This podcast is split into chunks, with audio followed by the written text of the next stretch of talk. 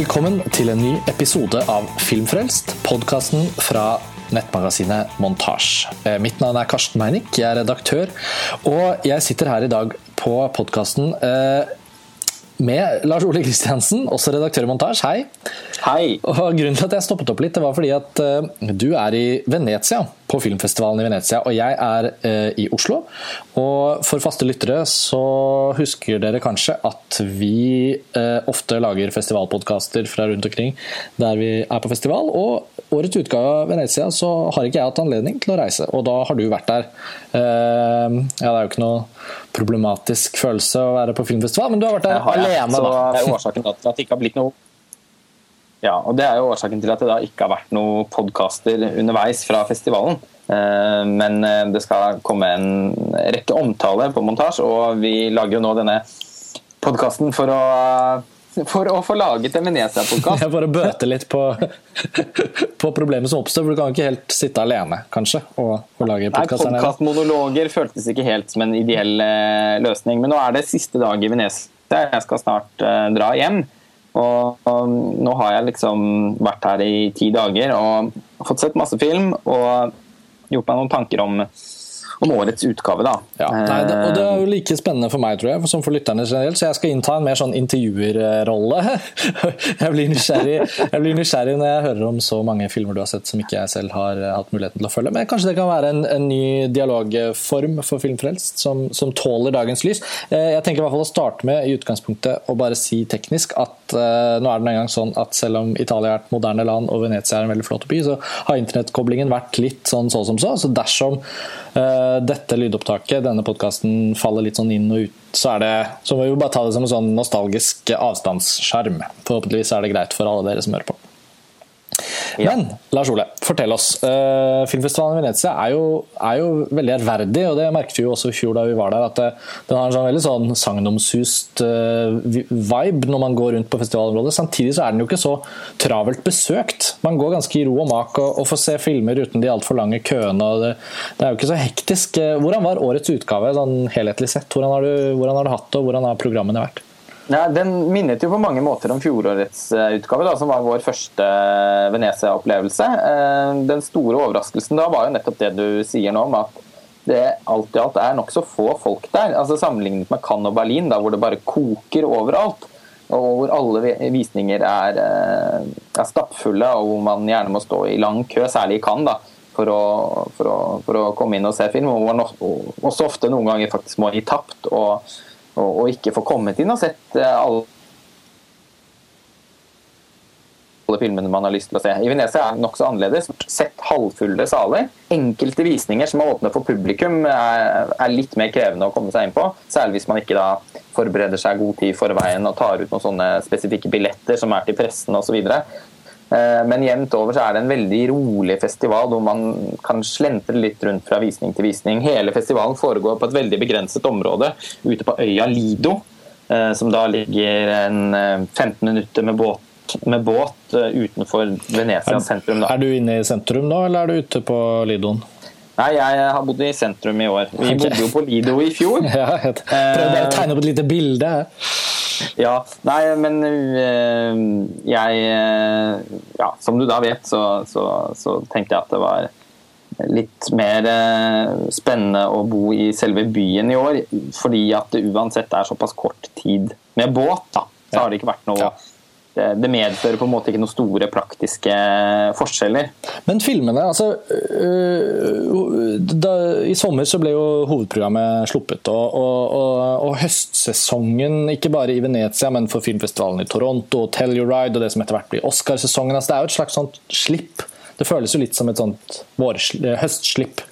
Hva, hva, hva, var liksom de sto, hva var det du gledet deg mest til egentlig da du dro ned dit i år? Det, har det vært noen sånne store store høydepunkter føler du, som har enten levert eller ikke levert? Hva, hva følte du spenningen liksom Altså, ja, nå er det jo sånn at Venezia har jo kanskje på en måte eh, for hvert år som går, tapt flere og flere filmer til både Toronto og Telluride. Så sånn sett er jo ikke Venezia-programmet nå like sterkt sånn som det var for noen år siden. Det var det jo heller ikke i fjor. Og, men det var jo like fullt eh, en spennende meny som ble, ble presentert noen uker før festivalen. og det er jo flere av filmene jeg har hatt ganske så store forventninger til. Eh, Kerry Fukunagas 'Beats of No Nation'. Mm. Uh, han, for de som ikke vet, han som regisserte hele True Detective sesong 1 og Jane Eyre og Sin Nombre. Og han har jo strengt tatt nesten bare laget bra ting. Ja, uh, og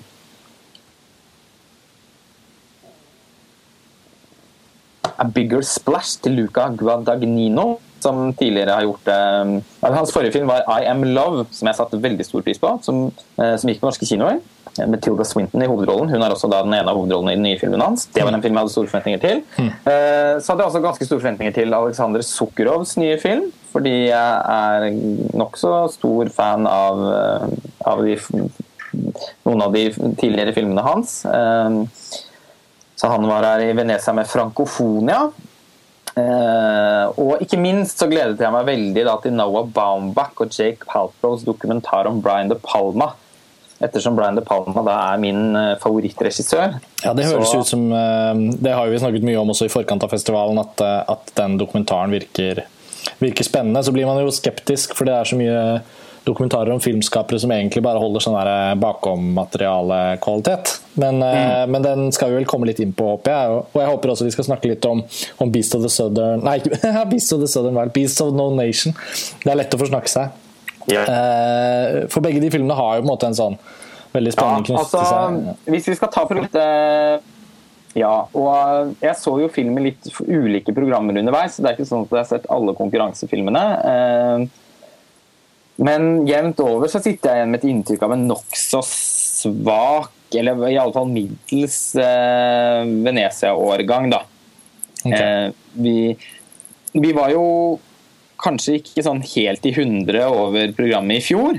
Og jeg føler vel kanskje at årets program var enda et hakk under, da. Mm. Det er veldig mye film som som har veldig lite å by på, syns jeg. Altså, hvor, man, hvor, jeg sitter og etterlyser både en, et spennende formspråk eller eh, en, en, en, fortelling som faktisk har noe på hjertet, eh, og som Eller eventuelt altså noe, noe, så enkelt som en sånn fantastisk sjangerøvelse, f.eks. Eller filmer som på en eller annen måte forsøker å bryte litt ny grunn. Jeg følte liksom over hele, hele det spekteret med ulike typer film, da, så syns jeg det var veldig få som eh, Jeg følte generelt at, eh, at det var mange litt sånn uforløste eh, middelmådige filmer som ble vist i de forskjellige programmene. Horisonti, f.eks., som er Venezia svar på en sertanere gard. Mm. Det er jo et uh, program som på en måte presenterer seg selv som, uh, som en arena for den utforskende, nyskapende filmkunsten. Det var jo underlig å se hvor mange av filmene som ble vist der også, som bare var særdeles uh, uspennende, syns jeg i hvert fall. Mm. Uh, og det var vel Jeg snakket jo litt uh, rundt uh, med, med, forskjellige folk, og har jo lest en del anmeldelser som har vært skrevet rundt omkring fra filmene som har blitt vist. Og det virker jo som om det er relativt stor konsensus rundt en del av de filmene som jeg også var skuffet over eller misfornøyd med. Da. Mm, mm. Men Men vi kan jo begynne med å snakke om en bra film. 'Beats of Nation' da, til Kari Fukunaga. Den er jo da, eh, den er jo da en Netflix-produksjon. Det vil si at den er kjøpt opp av Netflix, om jeg har skjønt det riktig? Ja, den, er jo, den har havnet i en sånn rar særstilling. Eh, nå har ikke jeg sett den, som sagt, men jeg har sett traileren og lest litt om den, så da føler jeg jeg kan i hvert fall bidra litt. så får du fortelle oss hvordan filmen faktisk er. Men det, det, det, er jo en forlengelse av det Netflix har holdt på med et par år nå. De er jo uten tvil den mest muskuløse streamingtjenesten i verden, og de har jo en voldsom Eh, på en måte programflate. Da. Hvis du tenker på abonnenter, så er det jo eh, utrolig mange abonnenter nå rundt omkring i verden som lener seg på Netflix og ønsker innhold fra Netflix og bla, bla, bla. Og Den samtalen handler jo veldig mye om at Netflix da har gått i gang å produsere egne TV-serier. Og Da handler det nesten utelukkende om serier og dokumentarfilmer. Eh, men når det kommer til spillefilm, og gjerne da litt sånn større fiksjonsfilmer, ikke independent, men litt storslåtte greier, så har de på en måte ikke helt kommet med noe før nå, da. Uh, og så skal det sies at Netflix har ikke faktisk produsert uh, Beast of No Nation. De har um, hovedsakelig gått inn etter at produksjonen har på en måte satt i gang, og så rett og slett kjøpt opp rettighetene til hele filmen. Antageligvis lagt en ganske stor sum på bordet, men resultatet av det er at Netflix for første gang blander seg på Fordi de har jo fått titalls av Emmy-nominasjoner sånn for TV-seriene sine, men nå, nå, blander de seg altså rett og slett inn i Oscar-racet. Pluss at de kommer jo til å forskyve businessmodellen. og det, er, det, har vært gjort tidligere med, med sånn video on, transaction video on demand, altså at du kan kjøpe filmen for en fast sum på iTunes f.eks., samtidig med kinolanseringer i USA. Mens det de gjør her, er jo rett og slett å distribuere Beasts of No Nation på Netflix rundt omkring i alle land i hele verden hvor det er Netflix, eh, parallelt med en kinolansering da, i USA og England, men ikke, i hvert fall ikke som er foreløpig offentliggjort i noen andre land. Da. Så det blir i USA og i Storbritannia at den kommer til å gå på kino, eh, og den kommer til å være tilgjengelig på Netflix 16.10, også i Norge. da. Så det gjør jo ja. filmen ganske aktuell. altså Om en måned så kan vi se den. Eh, men premieren var i Venezia, etterfulgt av visninger i Telluride og Toronto. Så den er jo liksom lansert som en Oscar-film. da. Ja, eh, er en av de filmene som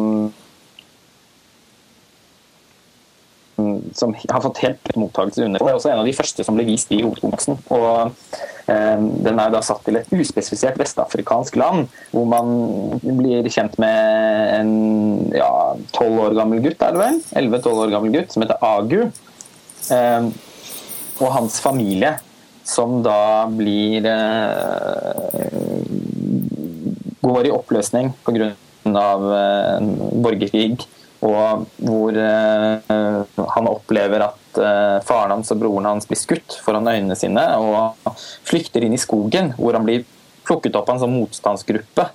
Mm. Eh, som da skal dyrke fram han som barnesoldat. Mm. Og barnesoldater er jo på en måte har jo dessverre, det, Særlig i mange vestafrikanske konfliktområder, uh, i, og ikke minst særlig kanskje på 90-tallet og tidlig på 00-tallet, så har det jo vært utrolig mye uh, journalistikk og dokumentarfilm om, om, det temaet. Men samtidig så det føles som en litt sånn ja, litt sånn spesifikt globalt interessant tema. Jeg bare tenker i forhold til hvordan Netflix har tenkt her, for Det er ikke de store stjernene. Det er Idris Elba, har jeg skjønt, som spiller den han Eh, opprørslederen, på en måte. Men utover det så er det jo ikke det, det er jo ikke en eh, på en måte umiddelbart kommersielt anlagt plottstruktur. Da. Man tenker på heller dette som en type historie som dukker opp på film fra sør, og som dukker opp på filmfestivaler rundt omkring i verden. Så det er jo litt interessant det motstykket mellom en sånn super, super kommersiell streamingtjeneste og en film som dette. Men fortell ja. oss litt, Hva slags film er det? Liksom? Er det? Er det drama? Er det en thriller? Er det en krigsfilm? Er det alt? Det er en krigsfilm, vil jeg si.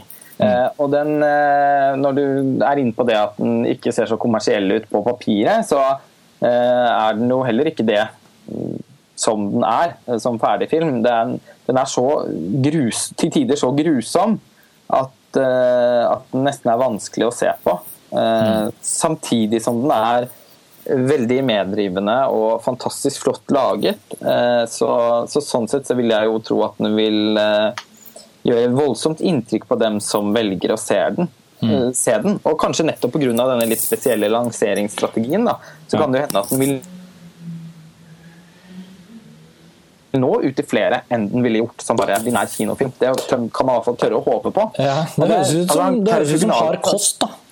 Ja, det er det. Eh, jeg føler at han Fukunaga han kretser liksom rundt et sånt, sånn mørkets sentrum i den filmen. med med nådeløs presisjon. Eh, og som et portrett av hva borgerkrigene i Afrika gjør med befolkningen. og Hvordan barn og ungdom som er i en formativ fase av livet, eh, nesten kan være et livsfarlig våpen. Mm. De, de, for det første så har de ikke noe valg. Eh, de må bare, er bare helt nødt til å seg, innrette seg etter de etter de voksne menneskene som de møter. Eh, og som Når de da kom, blir eh, Når de da på en måte skal dyrkes fram som soldater, så har de ikke altså De kan jo ikke gjøre motstand. De har jo ikke, de har jo ikke et valg. De kan jo ikke si nei, det har jeg ikke noe lyst til.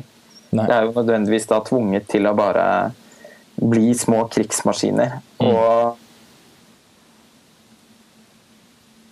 filmen er veldig god på å fremstå Agus sin opplevelse av det, og hans, hans, reise. Det er nesten som en sånn grusom coming of age-film.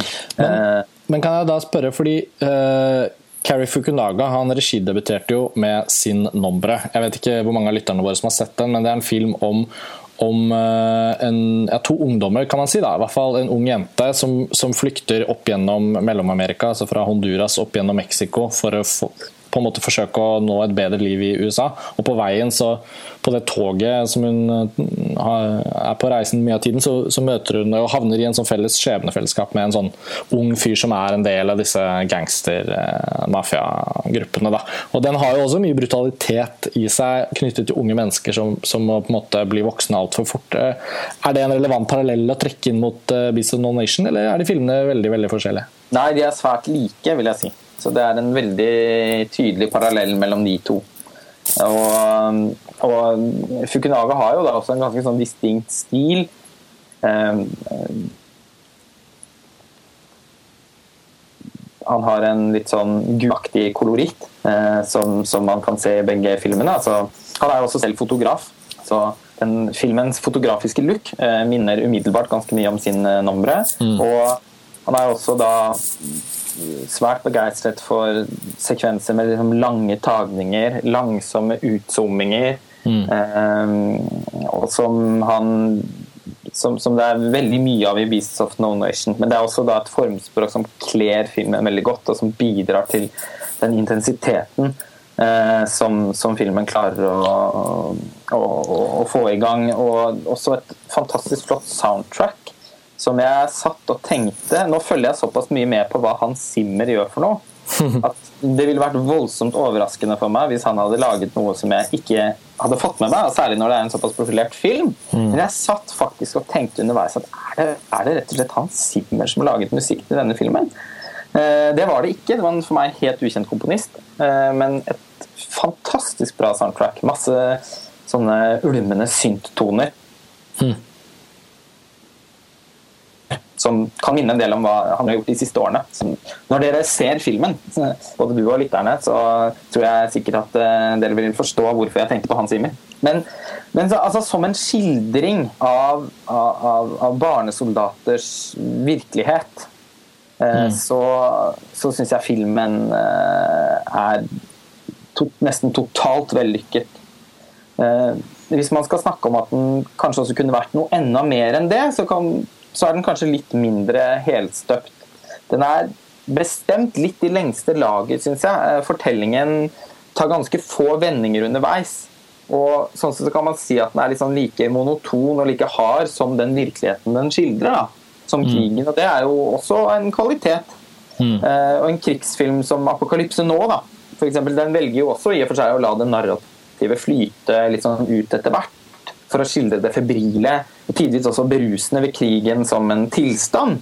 Mm. Men nå har ikke Beasts of No Nation noe tilsvarende fascinerende univers å trekke oss inn i. Til det er den altfor rammende og altfor grusom. Og, og, igjen så er det en kvalitet, men eh, rent personlig så kan man si at jeg kanskje savner, men ikke nødvendigvis etterlyser, at, at det er et ekstra løft her. Altså en vending i historien eh, eller en, noen, noen, skifter underveis som, som, kanskje hadde gjort filmen enda mer sammensatt som filmfortelling. Mm. Eh, for det potensialet føler jeg er der. Eh, og da tror jeg man kunne snakket om et, en, en, veldig betydelig film. Et, altså et mesterverk. Men når filmen for meg akkurat ikke er det, er det kanskje at jeg føler at uh, den den er så klaustrofobisk i det den gjør, at uh, at altså, potensialet for liksom mange gjensyn og oppdagelser i filmen, det uh, er jeg litt usikker på om er der. Men som, som, en, som en krigsfilm så er den uh, uansett veldig intens og, og, og, gripende nødvendigvis. Altså, det er umulig å ikke la seg engasjere i den forferdelige virkeligheten som den filmen skildrer. Og det er noen filmatiske grep der som er utsøkte og fantastisk bra spilt av, av Idris Elba, men også kanskje spesielt da han Abraham Atta, som spiller hovedrollen som Agu, som virkelig gjør en imponerende innsats. Jeg ser ikke bort fra at han kan få en Oscar-nominasjon. Hvis filmen lykkes med å bli en sånn Oscar-film som, som, som Netflix eh, åpenbart ønsker, så tror jeg han vil være en av de som stiller aller sterkest, faktisk. Det høres jo veldig oppløftende ut. da. Jeg tror eh, jeg og mange med meg helt sikkert kommer til å forsøke å få sett denne filmen eh, ganske raskt etter at den kommer på Netflix. Eh. Se den da, Husk da å se den for dere som For de aller fleste da skal da selvfølgelig se den på Netflix. og Sørg da for å se den på en skikkelig måte. altså Koble den til, koble til til en god TV eller prosjekt den måtte ha for hånden. For, for det er jo virkelig en kinoopplevelse. Eh, det er jo et slags paradoks at akkurat denne filmen skal få en Netflix-lansering, fordi den gjør seg ikke på Mac-en. Nei. Det er, eh, det er, et bra tips. Eh, jeg tror også at at det er viktig å liksom konsentrere seg om den typen opplevelser, ikke minst nettopp fordi den har den seriøsiteten som den typen krigsfilmer, barnesoldater, tematikken i seg selv. Man føler ikke at det liksom er en, en sånn henslengt filmopplevelse nødvendigvis, når, når, basert på hva du beskriver den som. Men Nei, samtidig, for å liksom sitte og spise pizza og lage handleliste på butikk. Nei, men samtidig, ta, samtidig så må vi bare skyte inn ja, at jeg syns det er jo på en måte en ganske oppløftende Hva skal man si distribusjons ikke revolusjon, men en utvikling. Da. At det er interessant at en film som man kanskje hører om fra en festival som Venezia eller Toronto, og så tenker man wow, den høres spennende ut, den har jeg lyst til å se.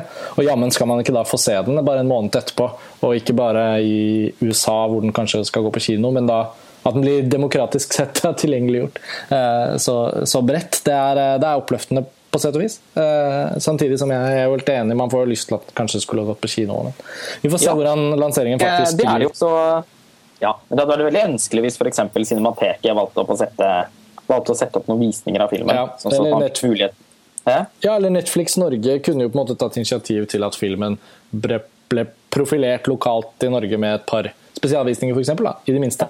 Ja, i det minste, det, for det, det, fortjener jo virkelig filmen. Det er lagt så mye arbeid ned i det audiovisuelle, så det er veldig trist hvis det Eh, at eh, Hvis veldig mange ikke skal få oppleve det. Ja. Jeg, eh, jeg, må bare si jeg slo opp komponisten her mens vi snakket. Dan Romer står det at han heter. og han har faktisk av alle ting komponert musikken til Beasts of the Southern Wild. Så det er mye, mye beasts på han. Jeg husker at det var veldig uttrykksfull og fin musikk, men ikke så mye synter. Så kanskje han driver og utforsker eh, litt forskjellige ja, det, ting. Den det var virkelig ikke filmen jeg tenkte nei, på. Nei. Men skal vi, skal vi gå videre? Vi ikke, det blir ikke tidenes mest episke episode. Jeg vet at du må, måte, begynne å, du må pakke og du må gjøre deg klar for hjemreise og sånn, men uh, Beast of No Nation altså, noterer vi som en, en, kjempeanbefaling. Det høres jo kanskje ut som den var blant høydepunktene der nede i Venezia, men hvis du skulle hoppe rett videre til et annet høydepunkt, da. Det er jo gøy å høre om det som er bra. Uh, hva, hva, ja. hva, blir det neste? Er det De Palma, kanskje? Som jeg har jo på en måte fått varsler om at du er rimelig fornøyd med den filmen? Ja, den er fantastisk. Kort så kan jeg også nevne at det var også en annen krigsfilm i Venezia eh, som, som, var veldig god. Som var Tobias Lindholm sin nye film, 'Krigen'. Eh, Tobias Lindholm har jo da laget eh, to spillefilmer tidligere. Eh, 'Kapringen' og 'R' er det vel den fengselsfilmen hans heter. ja, ja, det er det den heter. Jeg har sett begge. Eh, og vært nokså begeistret. Var nokså begeistret for R. Eh, til dels veldig begeistret for 'Kapringen'. Eh, 'Krigen' syns jeg er hans beste spillefilm så langt. Og det er en skildring av, av, av, danske soldater i Afghanistan i den første halvdelen av filmen. Og så blir den et rettssalsdrama i andre halvdel. Fordi at hovedpersonen blir anklaget for å ha rettet et angrep mot, en, en sivil, mot sivile uten å ha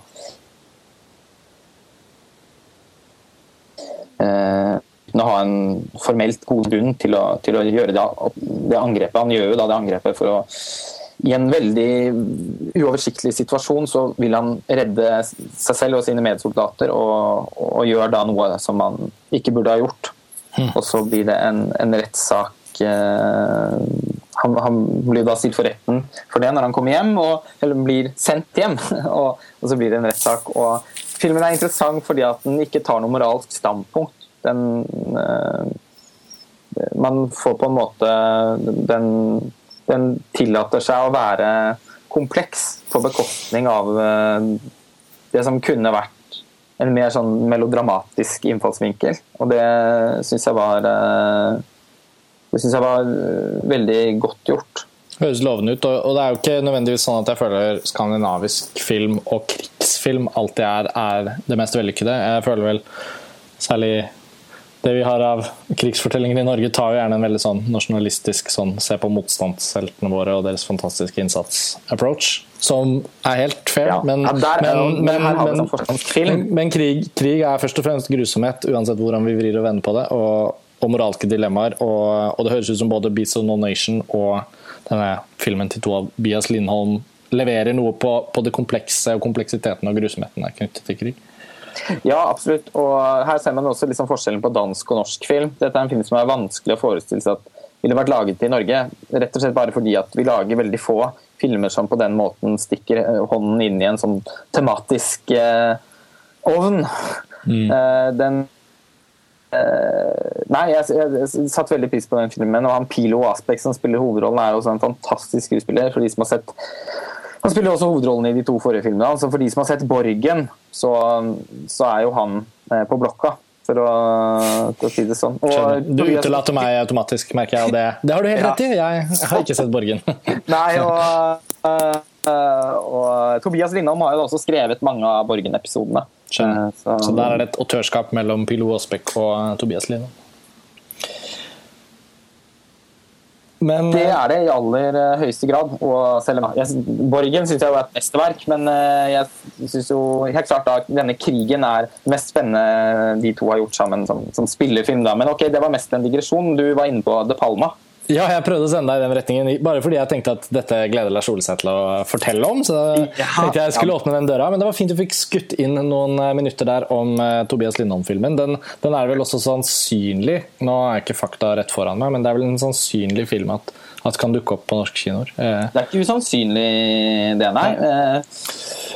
Skal vi se. Men, men jeg har ikke Jeg mener å huske at jeg slo opp eh, Prøvde å finne ut på Filmweb eh, Ja. om det var noe dato, men mener å huske at jeg ikke fant noe der. Ja, nei, det er ikke selvsagt lenger, men i hvert fall, jeg føler liksom på automatikk så tenker jeg liksom at de nordiske filmene eh, som har en viss profilering, ofte, ofte kommer til de andre nordiske landene. Da. I hvert fall svensk og dansk film kommer til Norge, men kanskje ting er litt i endring. Eh, Krigen er i hvert fall en film som eh, har en trailer, og som skal gå på kino i Danmark nå, så da, vi, får vel, vi får vel høre om det etter hvert som tiden går. Ok, fortell oss om Brian De Palma-dokumentaren. gjør vi nok. Men altså, De Eh, Palma, da. Det, ja. det er jo da Ja, altså eh, Noah Baumbach har jo tidligere eh, intervjuet De Palma i noen settinger, bl.a. Eh, på ekstramaterialet til Criterion sin utgivelse av Blowout.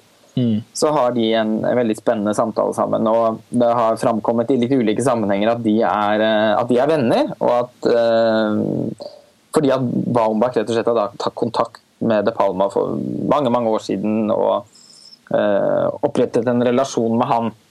Eh, og sammen med en som heter Jake Paltrow, så har han da broren til Gwyneth Paltrow, er det ikke det? Det jeg visste jeg ikke. Jeg tror det er det. Mm, han er regissør, ikke sant? Ja, det er han. Mm. Men ikke på langt nær så profilert som Noah Baumbach. Jeg ante ikke at han var broren til Gwyneth Paltrow. Det er morsomt. det er broren. Ja. Eh, de to har da sammen laget en dokumentarfilm som de har laget over flere år, sånn som jeg skjønte. Eh, I hvert fall fordi den er De har hatt veldig mange samtaler med De Palma og har hatt en slags plan om at det til slutt skal munne ut i et Brand De Og, og mange av opptakene i intervjuene i filmen er da gjort for flere år siden, selv om han har på seg de samme klærne i, og sitter på det samme stedet eh, i, hver en, i hvert eneste intervju. Altså, det virker som ett sammenhengende intervju, men som jeg har skjønt det, består det av flere Det er interessant, det visste jeg faktisk ikke at, eh, at, eh, at det var gjort over, over lang tid. Det gjør det kanskje enda mer interessant, fordi, fordi man håper jo at en film som dette virkelig skal liksom synke ned i materien. Skal du først gjøre en film om en filmregissør som Brian De Palma, som både er kjent for å være en ganske sånn spesiell type, og han lager jo høyst interessante filmer, opplagt for deg som har han som favorittregissør, men også jeg som er noenlunde på liksom ikke helt der oppe, så ser jeg jo også at for hver De Palma-film jeg da har gjort meg kjent med opp gjennom årene, så blir man jo bare mer og mer eh, fan. Det er jo en sånn smittsom smitteeffekt. Desto mer De Palma du ser, desto mer De Palma liker du. Og da blir man jo også veldig nysgjerrig på en film som dette. Har disse samtalene liksom lagt seg på sånn veldig veldig sånn dypt nerdenivå, eller tror du du liksom en hvem som helst kan sette seg ned og se denne filmen og, så, og bli liksom invitert inn i De Palmas filmografi? Hvor ligger den i landskapet der? Jeg tror at hvem som helst kan sette seg ned og se denne filmen. Den minner først og fremst, selv om den er helt annerledes eh, i måten den er gjort på, fordi det da bare altså den er jo da bare et intervju med Brian De Palma. Det er ikke noe intervju med noen andre. Så det er ingen som har på en måte sånne monologer om å, den og den scenen er klassisk De Palma. Nei? Så det er ikke noen runde har... med alle de kjendisene som skal si noe pent om ham? Nei, nei, ikke noe Scorsese og sånn som dukker opp. Eh, men bortsett fra det så kan den nesten minne litt om A Life in Pictures, dokumentaren om eh, Stanley Kubrick. Ja. Eh, som jeg syns i all sin liksom, enkelhet er en av de beste måten å formidle Stanley Kubrick på til mm. folk som ikke er så godt kjent med han. Eh, hvis man serverer noen den DVD-en, eh, særlig hvis det er snakk om unge folk da, som er, har en sånn mm. gryende filminteresse Hvis man eh, låner, låner, ut uh, A Life in Pictures, mm. så er jo gjerne tilbakemeldingen at å herregud, nå får jeg lyst til å se alle filmene til Stanley Kubrick. Og eh, De Palma til Bambak og Paltrow har da, føler jeg, eksakt den samme virkningen så altså, men hva er liksom det visuelle hva, det, hva slags film er det? Okay, vi har, det er, du, Brian De Palma sitter og snakker. Som jeg har sagt mange ganger nå. Ja. Det altså Hele filmen består av at Brian De Palma sitter foran noe som ser ut som en peis i en stol, ja. Eh, og snakker om filmene sine i kronologisk rekkefølge. Dette er da illustrert av klipp fra filmene og noen dertilhørende bilder fra Eh, fra innspillinger og fra også privatlivet hans. Eh, Skjønner. Mm. Og det er så elegant klippet sammen at man faktisk, selv om filmens form er uhyre enkel, og man ikke på noen som helst måte kan snakke om at filmen i seg selv er spennende som en film, mm. så er den så velgjort innenfor denne spesifikke sjangeren at, uh, at den likevel er mange nivåer over det man tenker på som da en sånn typisk ekstramateriale på en DVD eller mm. Blu-ray. Mm. Den, den, den, er så elegant uh, satt sammen, og kvaliteten på intervjuet er så enormt uh, bra. Altså, man merker jo at de har sittet og sakset seg fram til de absolutt beste sitatene uh, mm. som, som De Palma har hatt å komme med. Nå, og man, han er så velartikulert og uh, sier så mye klokt og tøft om, om, om, om, film generelt, og om sine egne filmer.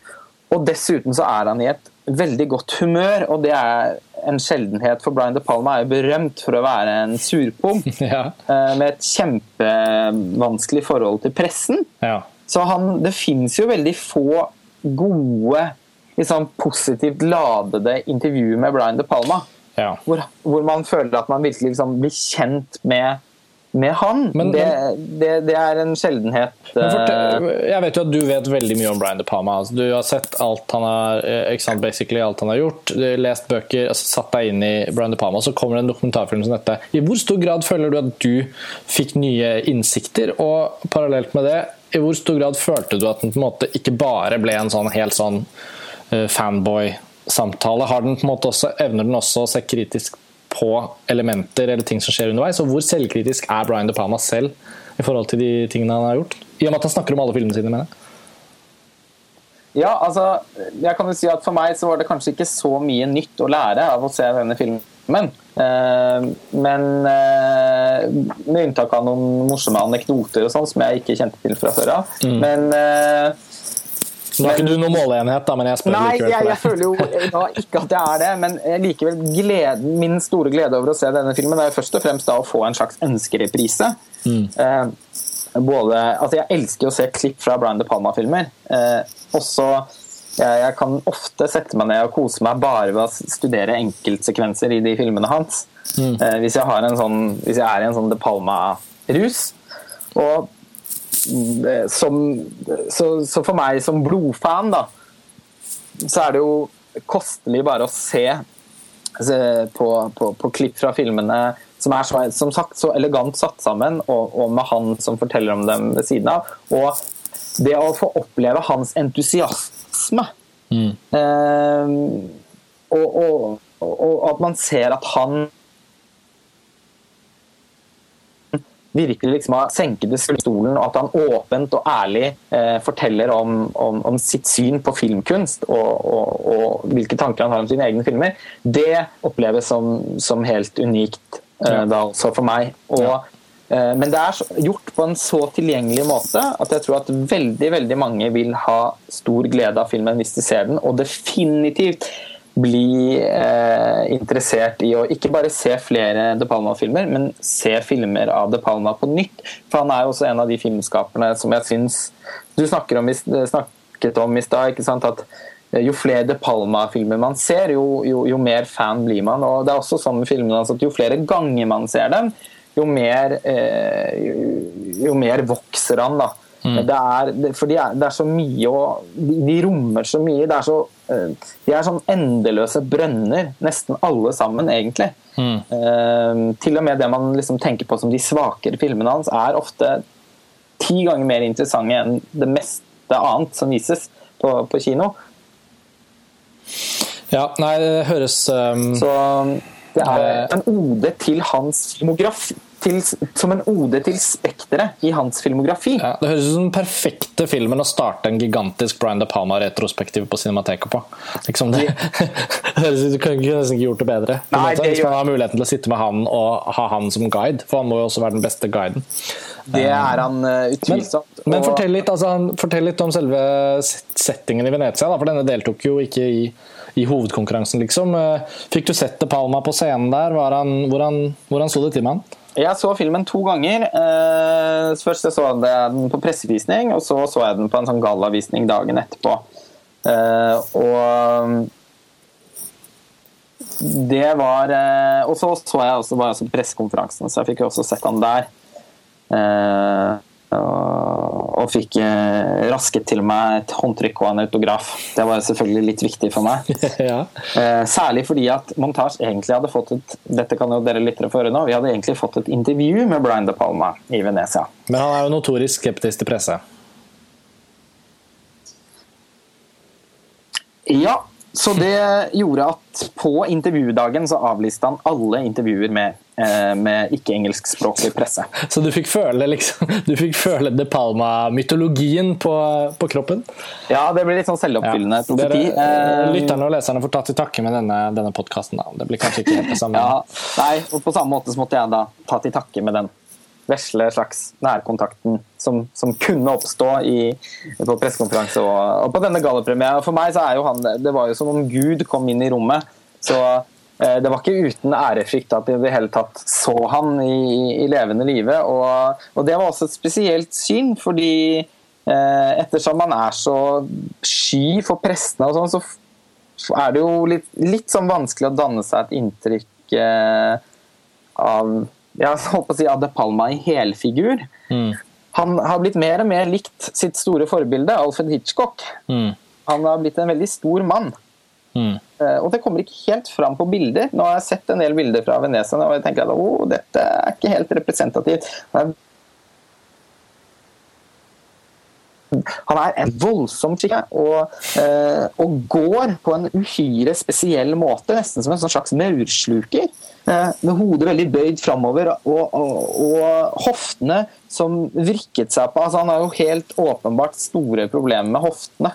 Og han klarte ikke å gå alene, så han hadde hele tiden to stykker som uh, geleidet ham. Ja, fordi jeg, Det er jo ikke noe hyggelig å, å snakke om, men det, det, det, har jo på en måte, du har jo fortalt litt om dette også i forkant. Og, og, og Han er en 75 år gammel mann. Han har, har ikke laget en film på noen år, og det virker som det går lenger og lenger mellom hver film. Da. Dessverre. Jeg syns ikke dette er noe trivelig å konkludere med, men det kan jo også virke som at han har, han har på en måte også fortalt om sine filmer, om sine tanker om film og sin karriere i denne dokumentarfilmen på et tidspunkt hvor han fortsatt kan gjøre det. da uavhengig av hvordan ting eh, står til. selvfølgelig. Forhåpentligvis så, så bank i bordet så er det jo mange gode år og flere filmer igjen hos De Palma, men det virker som om måte, han har også benyttet anledningen til å kunne være til stede i en sånn dokumentarfilm. Mange filmskapere har kanskje ikke etterlatt en sånn type uh, ja, altså snak, Å kunne være til stede i en sånn film og snakke så nært om sine egne filmer uh, før, før, det er over. holdt jeg på å si.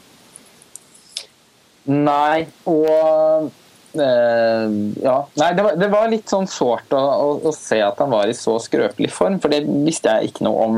Så det gjør jo dessverre at jeg tenker at det er nok ikke helt umulig at 'Passion' er hans siste film. Mot slutten av dokumentaren så snakker han også om at han mener at nesten alle filmskapere, inkludert Hitchcock, lager sine beste filmer i 30-, 40- og 50-årene. Mm. Og at deretter så går det bare nedover. Jeg syns jo det er, ikke er tilfellet for Brian De Palma. Da. Jeg syns både at Fan Fatal og 'Passion' mm. eh, er to av de aller mest interessante filmene han har lagd. Mm. Men filmen slutter på en, med et litt sånn melankolsk toneleie, hvor han da forteller at noe av årsaken til at uh, filmskapere gjerne blir litt mer rustne etter hvert som de blir eldre, er rett og slett det fysiske. Da, at det er hardt fysisk arbeid. og Hvis kroppen ikke er med lenger, så er det er det vanskelig å være på det nivået man ønsker. Og så ser man en scene hvor De Palma da vagger rundt New York. Eh, mm. og, og, i det hele tatt da, bare helt subtilt, så kan man få et inntrykk at han kanskje ikke er helt i toppform. og når jeg da fikk sette han i levende live, så ble det jo veldig bekreftet, da. Men, men, men okay. i, alle tilfeller så var det jo, i alle tilfeller så var det jo først og fremst en stor feiring av De Palma som filmkunstner. Ja. Eh, det var masse taler på italiensk som ingen forsto, bortsett fra de italienske publikummerne. Eh, komponisten hans Pino Donaggio var til stede. Han bor vel i Venezia. så mm. Han eh, hadde vel bare tatt båten over. Så det var en minneverdig, minneverdig markering, det høres det ut som. Det var det absolutt. Og det var, det var, veldig stemning rundt ham der. Var, man fikk virkelig følelsen av at av alle, besøkte, av alle, kjendiser og stjerner som besøkte Venezia i år, så var liksom De Palma virkelig kongen. da. Ja. Så det var morsomt å, å, se. Og filmen, som sagt, den er eh, jeg tenker på, Hvis man skal urkvalitet med den, syns jeg at eh, For å bruke det samme begrepet igjen, altså den er som en sånn hyllest eller ode eller hyllest til spekteret i filmografien hans. Når man får presentert de vel 27 spillefilmene han har laget etter hverandre på den måten, så blir man veldig imponert over hvor mye forskjellig film han har laget. Mm. Men, og da samtidig hvor tydelig hans stemme som filmskaper er i absolutt alle filmene. Eh, mm. Hvilken kunstnerisk integritet han har tviholdt på. Selv de gangene hvor han har vært nødt til å inngå kompromisser. og Det snakker han veldig åpent om. Han er kritisk til flere av filmene og, og, um, og er veldig ærlig på at han helt uh, av egen vilje også har, uh, har inngått kompromisser på en måte med seg selv uh, i, i, flere filmer fordi at han har ønsket å tekkes et større publikum. Han har hatt overraskende få virkelig store suksesser gjennom karrieren, og veldig mange av filmene har fått langt dårligere mottakelse da de kom, enn det de har fått i etterkant. Mm. Blowout for eksempel, var en kjempeflopp som man fremdeles husker tilbake på med stor sorg, selv om den filmen i dag er kanonisert som et verk. Eh, mm. Så han, man, man, ser at han, han, han ønsket virkelig å og, Han var veldig ofte liksom på jakt etter å lage en hit, mm. og, og, var også villig til å liksom gjøre noen justeringer for å, for å kunne eh, For å kunne bli populær hos et større publikum. og Det lyttes han også med noen ganger, og det ser han tilbake på i filmen med veldig stor glede. Da, som f.eks. Ja. den Touchables, ja. som han trekker fram som et av disse helt magiske eh, tilfellene som, som man bare opplever ytterst få ganger i løpet av en karriere. Ja. Nei, det, Vi må snakke mer om De Palma senere, både dokumentaren og filmskaperne. Jeg føler han er moden for litt uh, mer fokus på filmfrelst. Men, men siden vi er i, inne på dette, du er i Venezia, du har det ferskt i minnet. Det er gøy med festivaler også fordi det er en visningsarena for så mye ukjent. Kan ikke du fortelle om en eller annen film vi ikke vet noen ting om? Noen filmsk en filmskaper vi ikke kjenner til. Eh, har du, har du følt at du har gjort noen oppdagelser? Uh, ja, det var kanskje nettopp litt, da. Uh, nå, nå, nå falt du litt ut. Kan du ikke gjenta den starten av svaret på spørsmålet? det er vel nettopp det det har vært litt lite av, kanskje. Jeg hadde vel forestilt meg flere oppdagelser i løpet av disse ti dagene enn det jeg faktisk fikk. Men noe har jeg jo å trekke fram. Jeg så en indisk film som heter 'Interrogation'. Som handlet om politivold i, i, i India. Hvor det da er noen lokale politimenn som tar noen tamiler til fange. Mm. og anklager dem for en ganske sånn liten forbrytelse, som de da heller ikke har gjort. Og som slår de hel holder dem fanget i ukevis og bare slår dem helseløse med, med noen sånne svære pinner. Uh, den var helt forferdelig å se. Det var mange som forlot den visningen. Men det var Det ga et ganske rystende innblikk i i, i Altså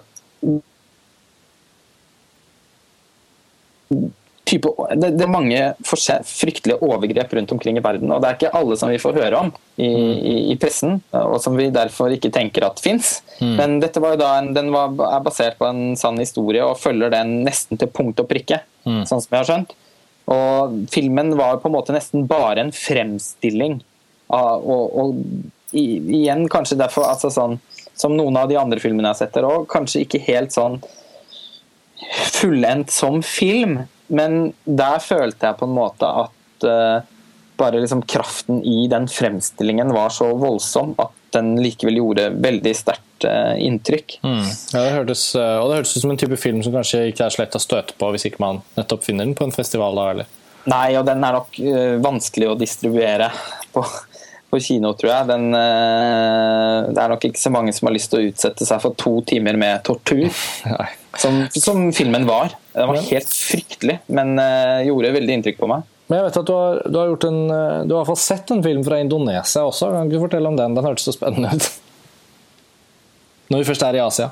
Den heter A Copy of My Mind. Ja, den heter A Copy of My Mind og handler om en, eh, en jente som jobber i en sånn beautysalong, og som er glad i å se film. Og så, Hun bor da bare på en sånn bitte liten hybel og ser film på PC-en, og hun kjøper da eh, daglig, virker det som, piratkopier på den lokale, eh, i den lokale DVD-butikken.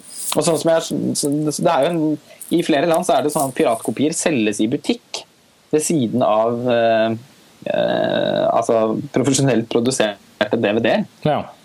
Eh, og Det er i hvert fall da tydeligvis tilfellet i Indonesia. Fordi at hun har eh, dårlig økonomi, så sverger hun jo da til disse piratutgavene. Men er svært ofte misfornøyd med måten de er tekstet på. Og klager da jevnlig på, de, eh, på den dårlige tekstingen i håp om å kunne få bytte til seg en ny film. Mm. Og så I et sånt sammentreff så blir hun da kjent med han teksteren som leverer piratkopier til den butikken. Fordi han da er innom butikken en dag. Uh, og det viser seg at Mange av de filmene som hun har vært spesielt misfornøyd med tekstingen på, er da hans verk. Og Vi har også da parallelt med henne fulgt han, hvor han sitter i leiligheten sin og tekster via Google Translate. masse forskjellige er det en komedie, eller er det så, ja, det, hva skal man si? Eh, den, Nei, begynner, ja, den begynner som en slags eh, pussig Ja, nesten komedie. Eh, og så blir jo de to kjent med hverandre, og det oppstår et vennskap og ganske snart også kjær et kjærlighetsforhold. Så eh, da tipper filmen over i en sånn slags romantisk komediesjanger. Mm. Eh, for så den siste halvtimen å klappe fullstendig sammen eh, når den da skal forsøke å handle om noe mer når man introduserer eh, en eh, ja, Da, den, blir det nesten en slags thriller. Eh, hvor eh, Fordi hun har stjålet noe Stjålet en DVD eh, fra en klient hun har som sitter i et fengsel. Og Det viser seg at det er noe opptak på den DVD-en som kan være betydningsfull for en rettssak. Og Så forteller hun det til arbeidsgiveren sin, som hjuler henne opp. Fengselet, tydeligvis. Eh, og, og den, altså den, den, kriminelle, da Dette er veldig uklart. Det var fryktelig vanskelig å forstå årsakssammenhengene. årsakssammenhengen her. Men det virker da som den kriminelle på en eller annen måte klarer å kontakte noen folk eh, utenfor fengselet som da skal forsøke å ta henne til fange eh, for å lære henne en lekse eller noe. Men så fanger de han kjæresten hennes, da han teksteren.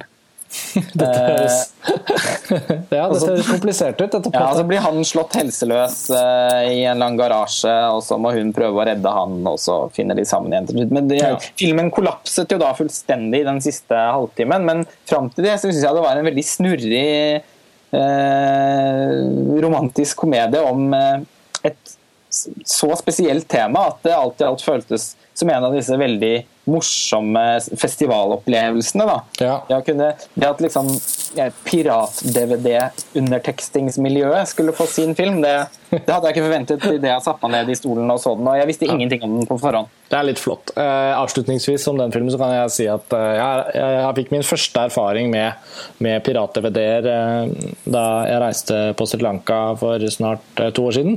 Og, og der selges det jo praktisk talt ikke på en måte i hermetegn lovlig utgitt film. Altså pirat DVD-ene er de eneste DVD-ene. Og de som selger de filmene, har så enorm kunnskap. De, altså, de var jo så filmnerder at det var jo, det var jo som når vi snakker om ting på Filmfrelst. Liksom. Det var helt fantastisk gøy, og det er jo selvfølgelig helt logisk. fordi hvis du jobber med film og ser film hele tiden og skal selge film, så må du jo ha sett alle sammen og vite hvordan du skal liksom pitche dem og, og, og, legge dem frem.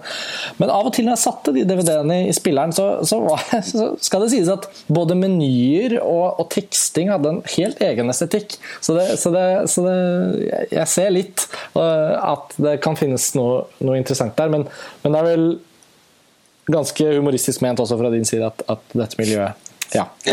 ja, det er det. Du, du var veldig. Du var veldig savnet under den visningen. Ja. Eh, jeg føler at samtalen vi hadde hatt om den filmen etterpå, hadde vært eh, ja. Vel så morsomt som filmen, men, men selv om, at, ja. og selv om du sier at Venezia-året kanskje ikke har vært helt optimalt, så kan jeg jo ikke si noe annet enn at jeg syns det er, er, ille å sitte her og snakke med deg, og du sitter i Venezia og jeg er her hjemme og jeg har ikke sett noen av filmene. Jeg, ja, det må bare sies, men jeg prøver å holde et godt humør. Eh, Eh, vi har jo på en måte forberedt oss på ja, vi har forberedt oss på å ikke lage en altfor alt for lang episode, så jeg innser at vi kanskje nærmer oss uh, kanskje en av de siste filmene. Og, og, som nordmenn flest så må vi jo også erkjenne at når det er noe norsk involvert, så, så blir man jo litt ekstra stolt. Og den norske regissøren Mona Fastvold hun eh, debuterte med en spillefilm for eh, ja, ett og et halvt år siden. Eh, 'Søvngjengeren' gikk på norske kinoer. Fikk kanskje ikke så stort besøk, men, men ble av mange betegnet som en ganske lovende debut. Den hadde premiere på, i hovedkonkurransen i Sundance og på alle mulige måter introduserte et lovende talent. Og hun har jo da vært med å skrive manuset til filmen 'The Childhood of a Leader', som deltok i Venezia, som er regissert av Brady Corbett. Eh, fortell oss om denne sammenhengen, og fortell oss om filmen, for jeg vet at du har sett den. Ja, altså De har da skrevet filmen sammen, og så er det hans debutfilm som regissør, som ble vist i denne Horisonti-seksjonen. Mm. Uh, Og Filmen er da visstnok løst basert eh, ved samme navn, som jeg ikke har lest. Eh, og Den omhandler en amerikansk eh, gutt da, for i sånn åtte-niårsalderen eller noe, som vokser opp i Frankrike like etter andre verdenskrig. Og hvis på en måte merkelig oppvekst skal gjøre at han blir litt sånn ideologisk forkvaklet individ. Mm. Uh, filmen forsøker seg på litt av det samme som 'Det hvite båndet' til Michael Haneke, egentlig. Mm. Uh, men den er både, både, mer diffus og mer overtydelig på, på, på samme tid.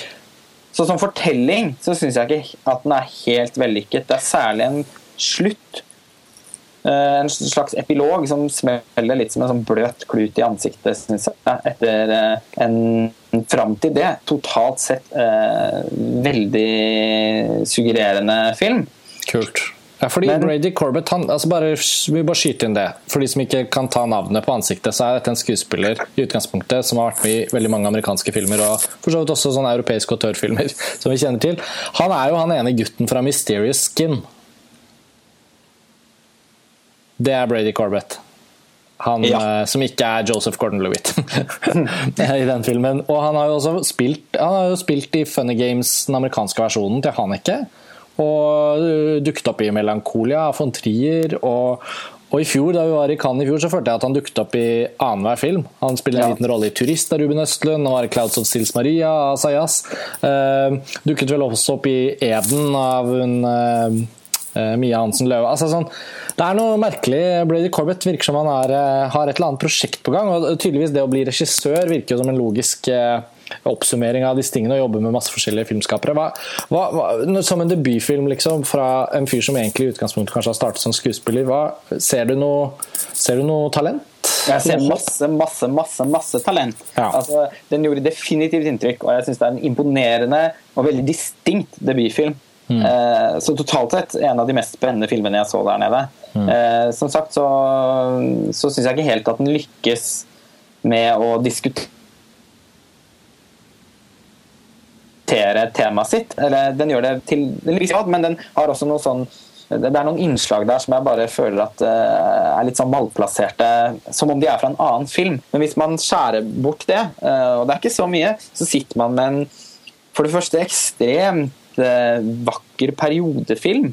Den er fantastisk flott fotografert.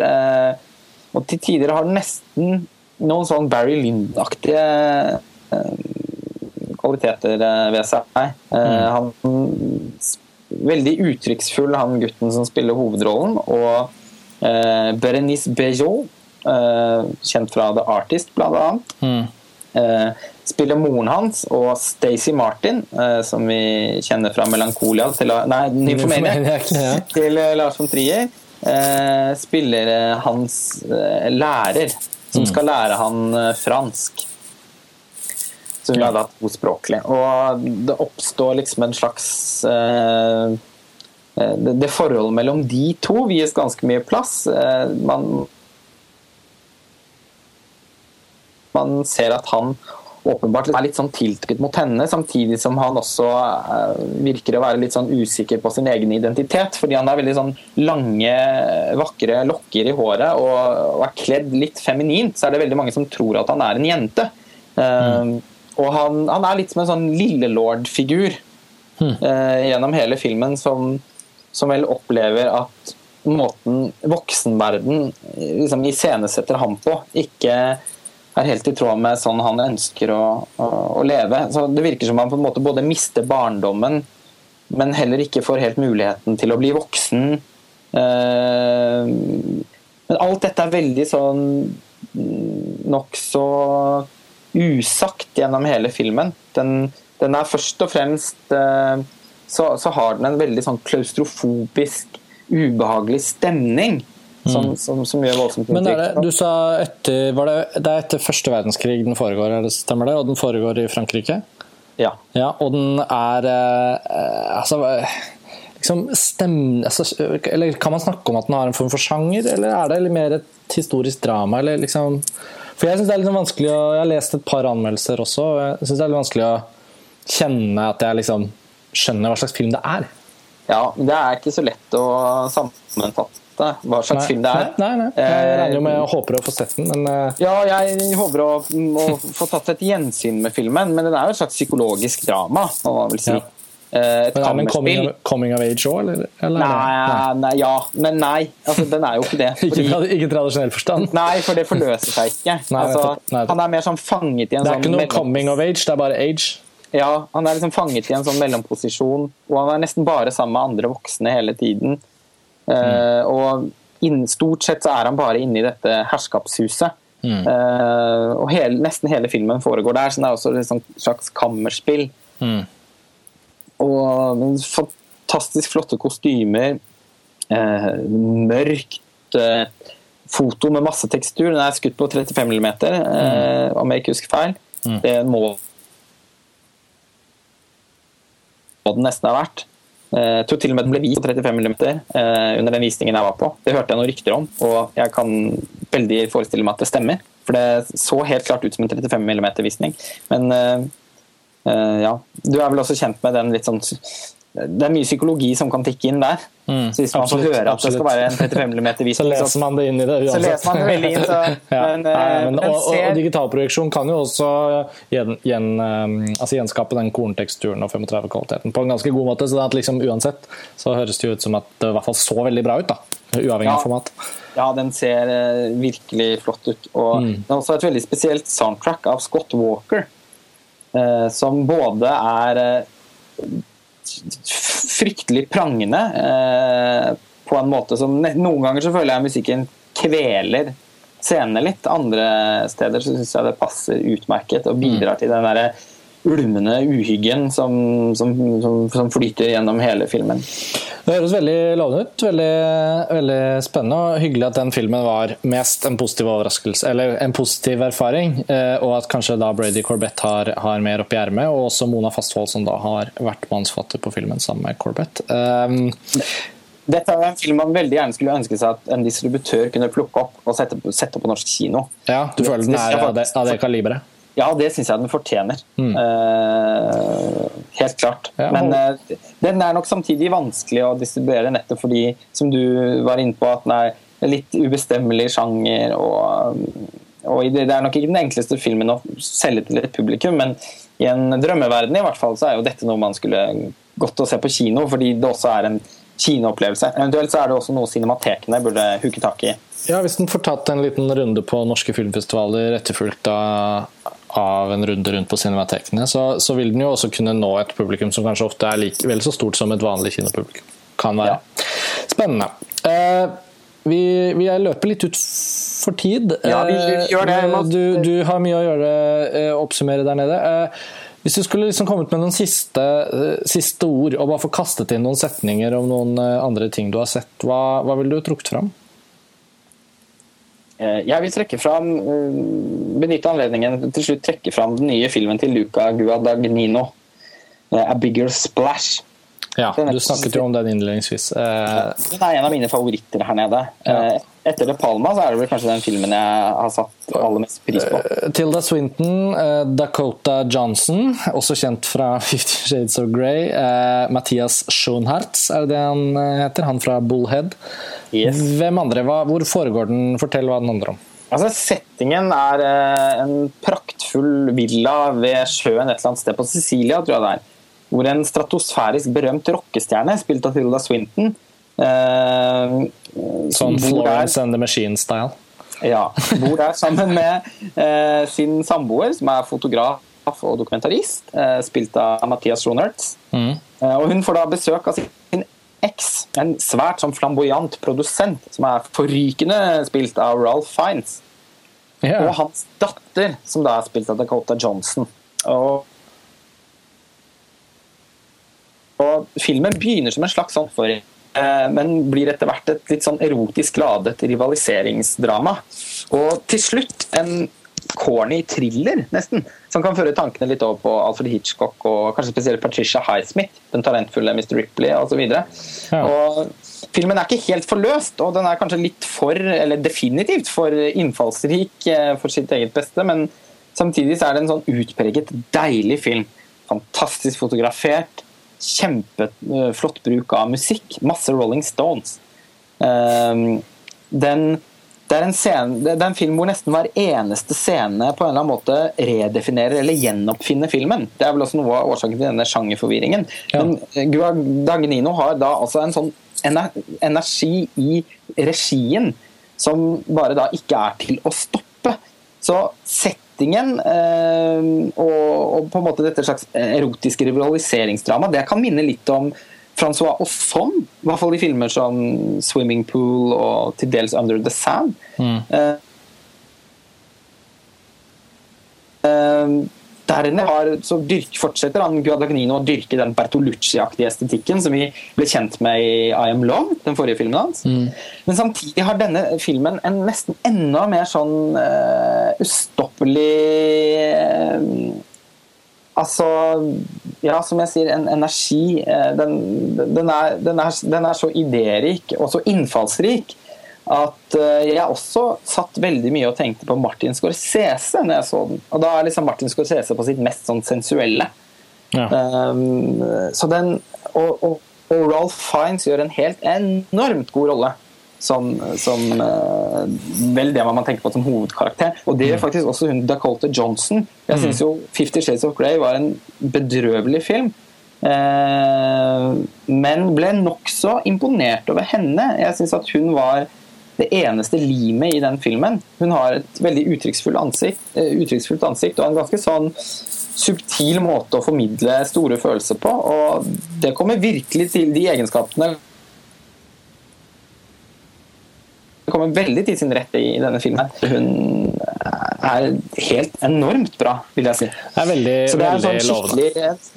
Det er liksom både en skuespillerfest og en sånn filmskapingsfest. Eh, og, og omgivelsene er jo da ustyrtelig vakre. og det, det, Alt er så sensuelt, og det er masse mat og det er masse kropper. og eh, det, er- det er Høres ut som den type film du regner med å finne hvis du reiser til Venezia for å se film. ja, nettopp. Ja. Og det er veldig vanskelig å stå imot den. Eh, Den fikk ganske blandet mottakelse men, eh, da den ble vist for en del dager siden. Men eh, jeg eh, var helt eh, klart blant de som lot meg veldig begeistre for filmen. Og dette er jo også noe jeg helt som jeg virkelig kan se for meg at kan fungere på norsk kino. da. Ja. I den sjangeren møte i Tosk... Altså ikke filmen, men tittelen. Ja. Toskana, møte i Provence, møte på Sicilia, eh, gjenforening på Sicilia. vet. Sommer på Sicilia. Ja, sommer på Sicilia. Kall den hva hvis Hva som må til. Kall den hva som helst. Det som må til. Eh, vis vakre bilder fra Sicilia og noe mat og noen kropper på plakaten. Eh, Men dette tror jeg faktisk er en film som de som eventuelt da velger å oppsøke den fordi de syns det ser ut som en sånn spennende film på Gimle, vil ha veldig veldig stor glede av å se. Den er også ustyrtelig underholdende. Nei, det Eh, høres, eh, det høres veldig Ja, varer i to timer, ikke ett sekund kjedelig. Og så kan, man, så kan man godt være litt kritisk til en del grep som blir gjort der. og Den løfter seg ikke helt opp, men eh, totalt sett en fantastisk fornøyelig film. Høres utrolig bra ut. Eh, Fin oppsummering også.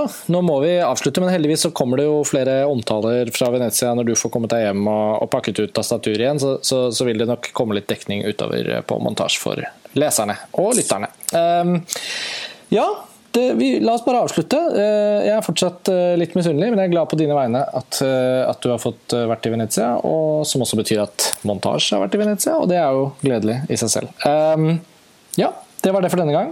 Har du noen siste setning du har lyst til å tilføye, Lars Ole? Nei, egentlig ikke. Det kommer noen flere Det kommer en del omtaler. Som sagt, hvor jeg skal skrive mer om noen av de filmene som, som jeg kanskje var enten mest begeistret for, eller som jeg mislikte aller mest. Altså eksempel The Danish Girl til Tom Hooper. Det syns var en fornærmelse. Vi varsler- Eh, vi varsler skal det slakt. Om artikkelen. Ja. Jeg kan varsle slakt. Flott. Eh, Da er det bare å si takk for denne gang. Eh, Takk til alle dere som hører på. Send oss e-post hvis dere har noen innspill eller tanker eller forslag til fremtidige Filmfrelst-episoder. Eh, Ja. Vi høres. Ha det bra. Ha det bra.